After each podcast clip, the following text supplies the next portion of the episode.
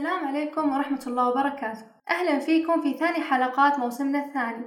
في هذه الحلقة بنتكلم عن موضوع جدا حساس يمس فئة مهمة في المجتمع والتي تتكون منها شخصية الإنسان والتي تحدد مساراته في الحياة منذ ولادته. وعلى أمل أننا نجيب من خلال طرحنا للموضوع مع ضيوفنا الكرام. نرحب بالمحامية وضحى الحارثي. أهلا وسهلا فيكم. المحامية نورة العتيبي. أهلا وسهلا حياك.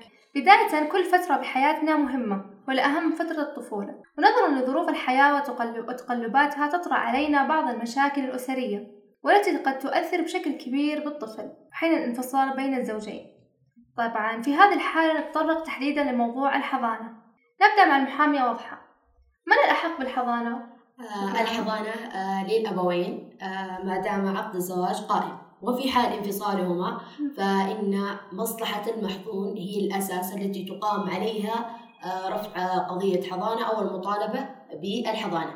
آه، والنظام السعودي يحدد لنا المطالبات بالحضانة آه، هي الأم ثم يليها الأب ثم أم الأم وما غير ذلك. آه ما هي شروط الحضانة أستاذة وضحى؟ آه طبعا آه نص النظام على حتى يتم الأخذ أو المطالبة بالحضانة أنه توفر شروط الحضانة سواء للأب أو للأم فالشروط هناك عدة شروط وأهم ذلك الإسلام فلا حضانة لكافر آه، وأيضا البلوغ والعقل فلا حضانة للمجنون والمعتوه آه، أيضا الأمن في السكن فلا حضانة لمن يكون في مكان غير آمن ويكثر فيه الفساد. وأيضا وأخيرا اللي هو القدرة. القدرة فلا حضانة لعاجز بدنيا. طيب آه، أخت نورة هناك سؤال أيضا في حال هل يحق المطالبة بالحضانة أكثر من مرة؟ سؤال يتكرر وبكثرة. نعم يحق ذلك. قد يظهر هناك عدة أسباب تقدح في حضانة الأبوين متى تكون الحضانة من حق الأب يا أستاذة واضحة؟ آه طبعا إذا تزوجت آه الأم آه زوجا أجنبيا تكون حضانة الأبناء للأب آه سواء كانوا ذكورا أم إناثا وأيضا في حال قامت الأم بمنع زوجها السابق من رؤية آه طفل المحظوظ أيضا هل تسقط الحضانة لمجرد النشوز؟ آه طبعا آه لا لأنه الحقوق القائمة بين الزوجين لا علاقة لها كليا منفصلة عن اللي هو حقوق الأم تجاه الأبناء. حقوق الأم نعم تجاه أبنائها. طيب في سؤال يا هل يحق الحضانة آه للأم في حال وافق الزوج الأجنبي؟ آه نعم يحق ذلك ولا بد من ذكر ذلك بعقد النكاح.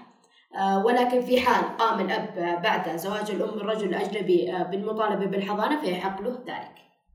أيضا ذكر النظام أن الحضانة تكون بتربية المحظون والقيام على مصالحه بما في ذلك التعليم والعلاج. فهل ذكر التعليم والعلاج على وجه الخصوص والحصر أم شاملة؟ آه نعم ذكر النظام على سبيل الحصر آه لكونه هناك مستشفيات حكومية آه وأيضا مدارس حكومية. فلماذا لا يتم الاتجاه مثلا للمدارس أو المستشفيات الخاصة؟ وهناك البديل الأساس في ذلك. في حال تخلى الوالدين عن المحظون وعدم رغبتهم فيه ماذا تفعل حينها المحكمة؟ آه طبعا آه في محكمة الأحوال الشخصية أولا أنه آه تحكم بما تراه مصلحة المحظون وثم ذلك تحال لمحاسبة الأبوين تحال إلى النيابة العامة لكون ذلك مخالفا لحماية الطفل مما يؤدي بالطفل إلى الإيذاء النفسي آه والضرر والتقصير في ذلك طيب أخت نورة الآن قضايا الأحوال الشخصية آه قضايا. الاختصاص المكاني لها مكان الأم مكان إقامة الأم.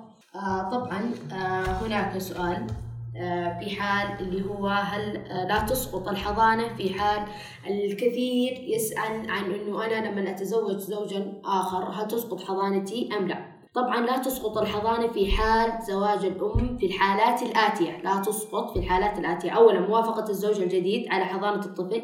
آه، الرقم الثاني عدم صلاحية الأب. آه، لرعاية المحظون وعدم وجود اعتراض من الأب على حضانة الأم آه، للطفل بعد زواجها. وذلك يذكر في شروط العقد الزواج. عقد زواج النكاح نعم. في حال رغبت بذلك تذكر أنه أن يكون أبنائي معي. طيب أستاذة وضحى كيف ترفع قضية في حال كان هناك نزاع بين الأبوين؟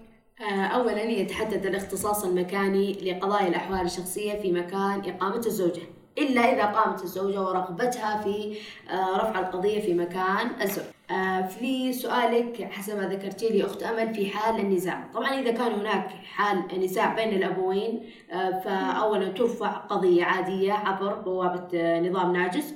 وإحالتها للقضاء للفصل في ذلك. وفي حال لم يتم نزاع وترغب الأم باستخراج صك حضانة فترفع من قسم الإنهاءات ومسمى الدعوة هو إثبات حضانة. تمام أستاذة نورة. في حال رغبة مساواة المرأة للتنازل عن الحضانة مقابل طلاقها هل تسقط الحضانة بالنسبة لها؟ آه لا يسقط حقها في الحضانة حتى لو كان هناك اتفاق بين الزوجين. حتى لو كان كتابيا فلا يؤخذ به. فما بني على باطل فهو باطل. لا يسقط حقها في الحضانة.